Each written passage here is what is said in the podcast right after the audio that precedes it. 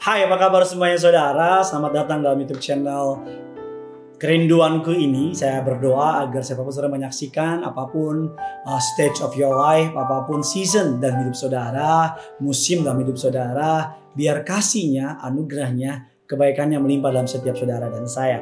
Mari sama-sama dengan sukacita Kita mau menghampiri tata belas kasihannya Dan berdoa memohon perlindungannya Penyertaannya Tuntunannya untuk kita boleh menjalani sepanjang hari ini. Mari sama-sama kita bersatu dalam doa. Bapak yang baik, Bapak yang kami sembah dalam nama Tuhan Yesus.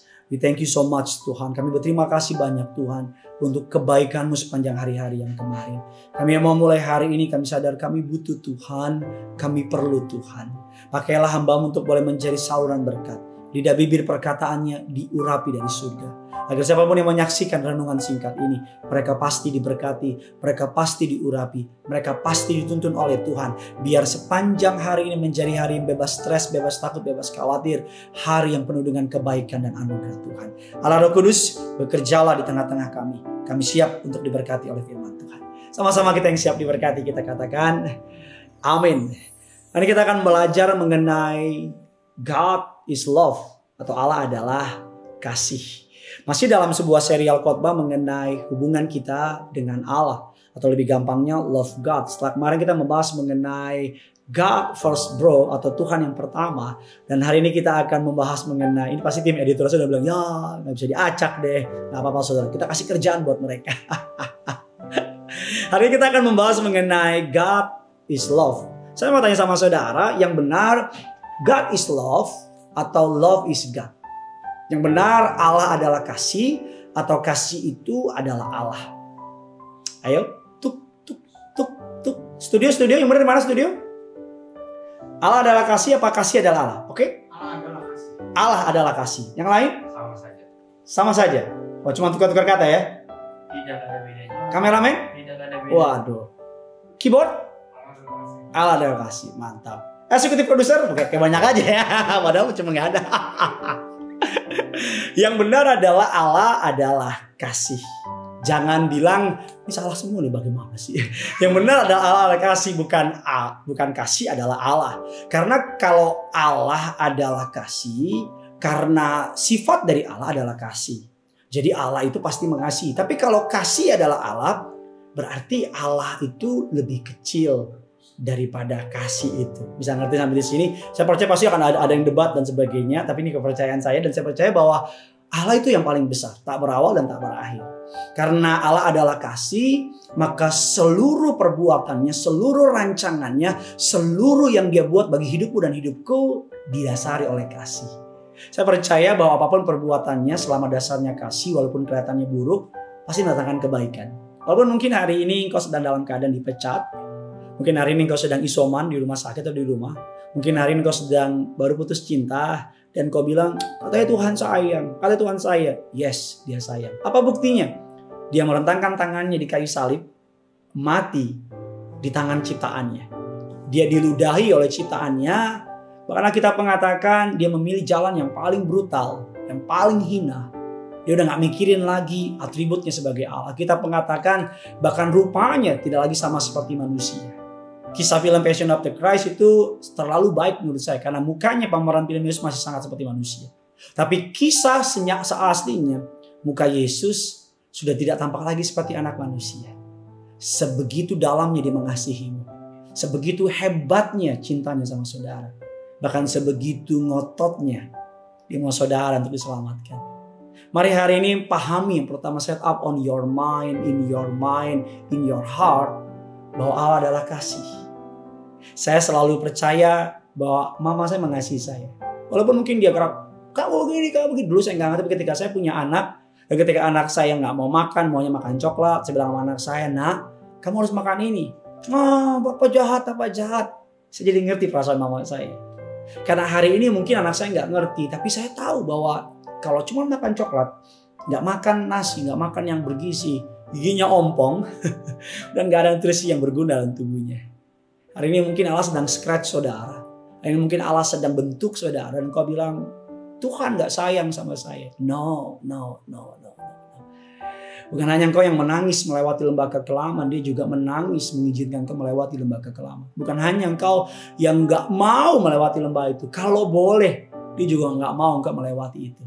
Tapi dia tahu bahwa didikan sering kali bukan hanya bicara mengenai mengasihi, tapi kadang-kadang mendidik dengan keras adalah justru tanda kasih yang paling terdalam. Kadang-kadang tidak membiarkan orang yang kita sayangi untuk jatuh dan menegur dengan keras, sering kali adalah kasih yang paling dalam. Alkitab mengatakan lebih baik teguran yang nyata-nyata daripada kasih yang sembunyi-sembunyi. Artinya apa? Kalau saudara mengasihi seseorang dan kau cuma bersembunyi, tapi kalau engkau mengasihi seseorang, kau nggak akan rela orang tersebut mengalami hal yang buruk. Arti dari kasih dalam bahasa aslinya, dalam bahasa Ibrani menggunakan kalimat ken nun yang berarti adalah dinding pelindung. Keren ya, dinding pelindung. Kasih Allah melindungi saudara. Di rumah saya ada pagar. Saya bilang sama anak saya, selama kamu main silakan. Tapi jangan keluar pagar. Kenapa Pak? Di pagar ada mobil lewat, ada motor lewat dan sebagainya. Selama saudara berada dalam perlindungan, the covenant, perjanjian darah dengan Allahmu di surga. Selama dinding itu ada dalam diri saudara dan saya. You don't need to worry. Kok nggak perlu takut, kok nggak perlu khawatir. Karena kasihnya, dinding pelindung itu telah ada dalam saudara dan saya. Firman Allah mengatakan demikian 1 Yohanes 4 ayat yang ke-16. Kita telah mengenal dan telah percaya. Mengenal dan telah percaya akan kasih Allah kepada kita. Allah adalah kasih mengenal percaya Allah adalah kasih dan barang siapa tetap di dalam kasih, listen up, ia tetap berada di dalam Allah. Wow. Dan Allah di dalam dia. Barang siapa percaya, mengenal, percaya bahwa Allah adalah kasih dan tetap di dalam dia, dalam kasih. Dia ada dalam Allah dan Allah dalam dia. Ayat yang ke-17, dalam hal inilah kasih Allah sempurna dalam kita. Yaitu, dengar baik, kalau kita mempunyai keberanian percaya pada hari penghakiman. Karena sama seperti dia kita juga ada dalam dunia ini. Ayat yang 18 sering dipakai. Di dalam kasih tidak ada ketakutan. Kasih yang sempurna, perfect love, cast out fear. Kasih yang sempurna melenyapkan ketakutan. Sebab ketakutan mengandung hukuman dan barang siapa takut ia tidak sempurna dalam kasih. Kita mengasihi karena Allah lebih dahulu mengasihi kita. Katakan amin. Ada banyak orang hari-hari ini mencari kasih di luar Kristus.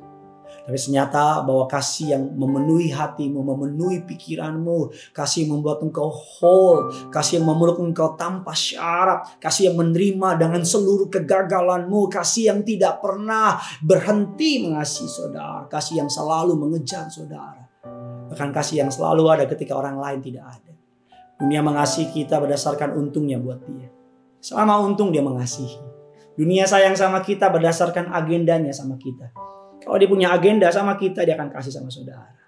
Saya suka tanya dalam pemberkatan pernikahan, mengapa kamu bilang yes sama dia? Mengapa kamu bilang oke? Okay? Mengapa kamu mengasihi dia? Oh karena dia lucu pak. Oh karena dia ganteng pak. Oh karena dia baik pak. Oh karena orangnya uh, pekerja keras.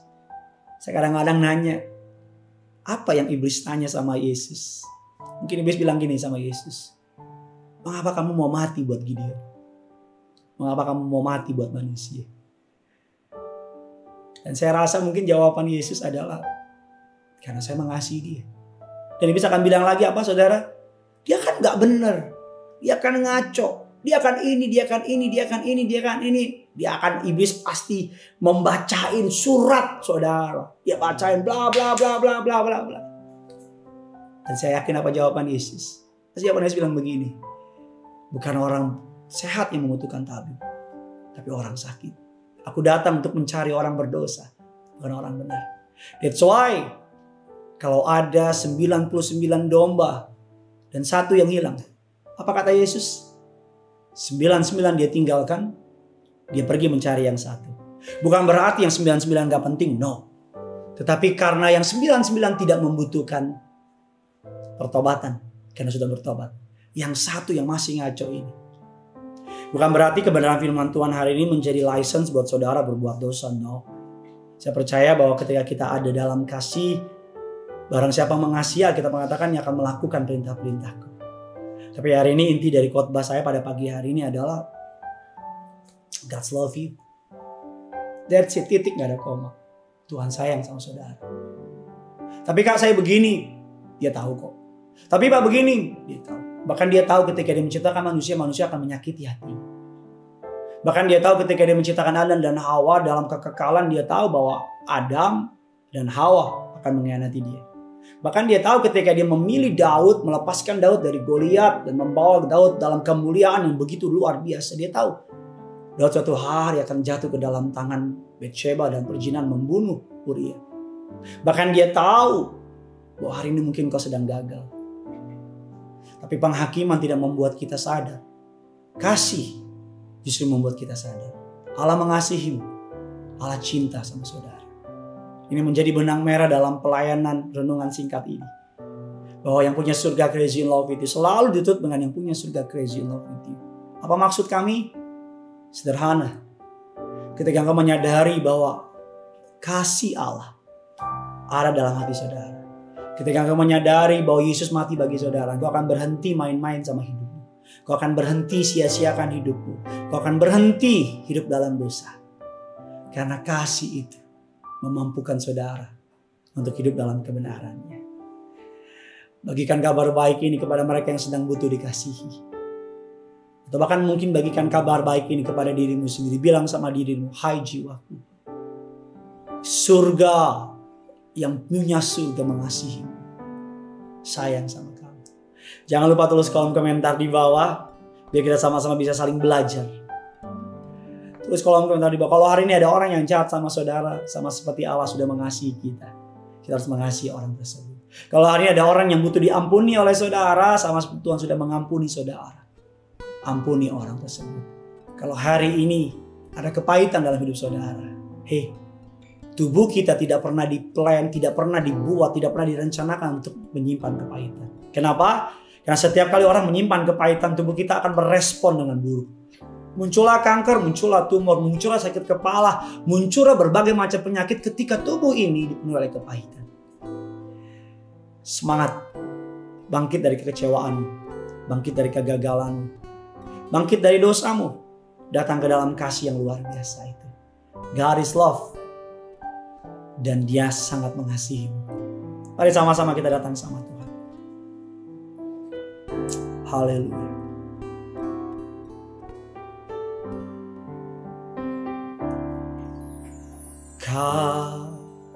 Kasih pasti lemah lembut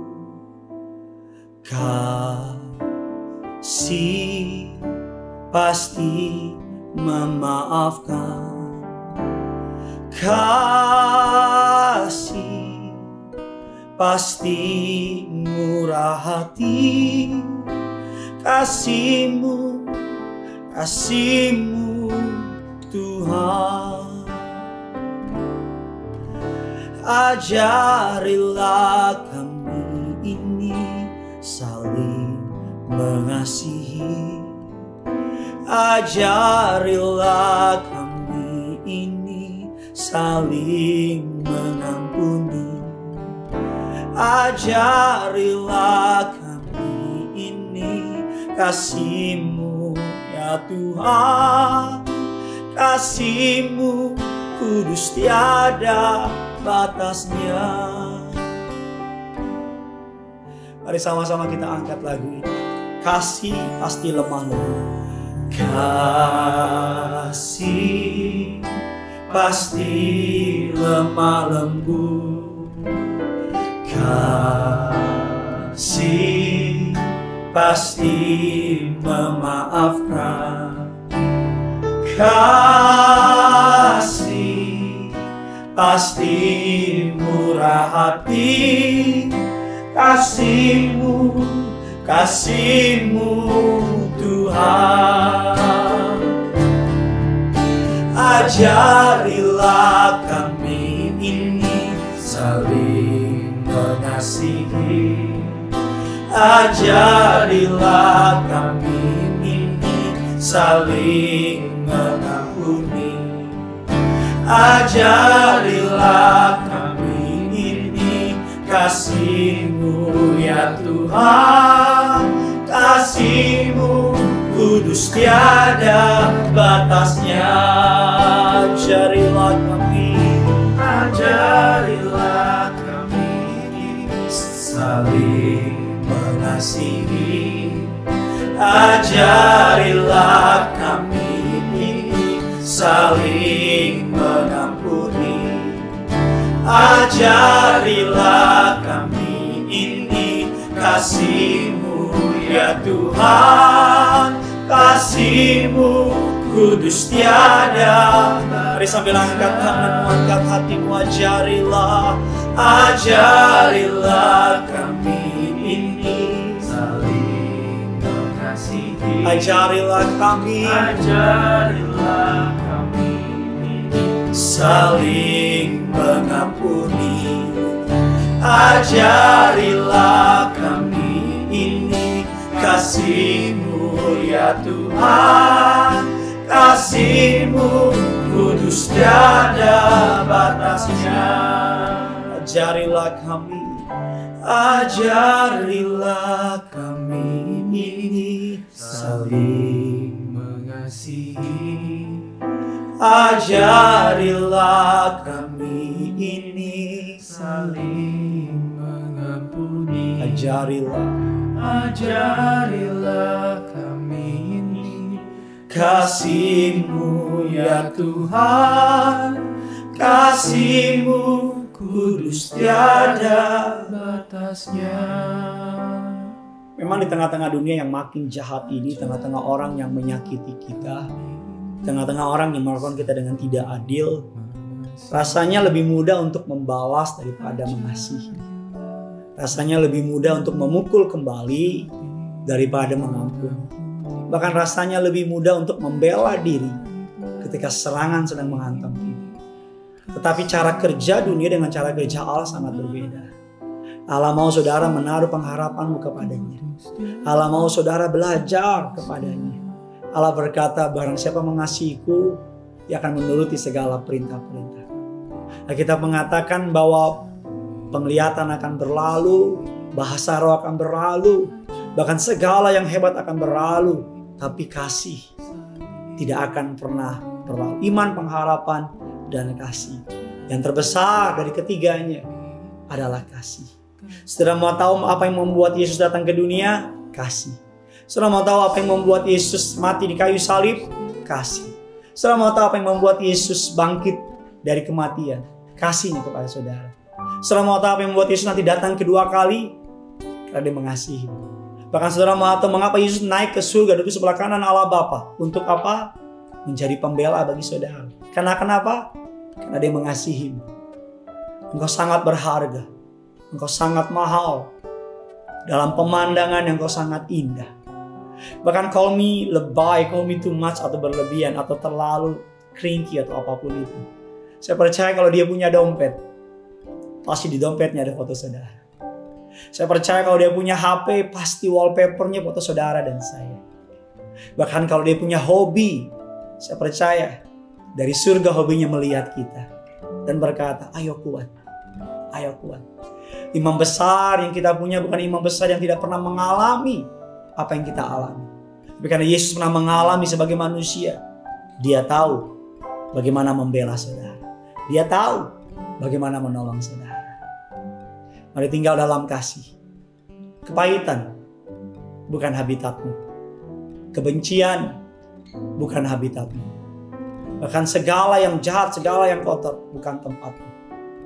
Ambil kasihnya, tinggal dalam kasihnya, hidup oleh kasihnya, dan praktekkan kasihnya. Selamat menjadi kasih bagi orang di sekitar kita. Dan saya berdoa, kasih Yesus yang manis, yang indah, yang lembut, yang tiada batasnya itu menguasai hati dan pikiranmu, memelihara kita sampai Tuhan datang kedua kali.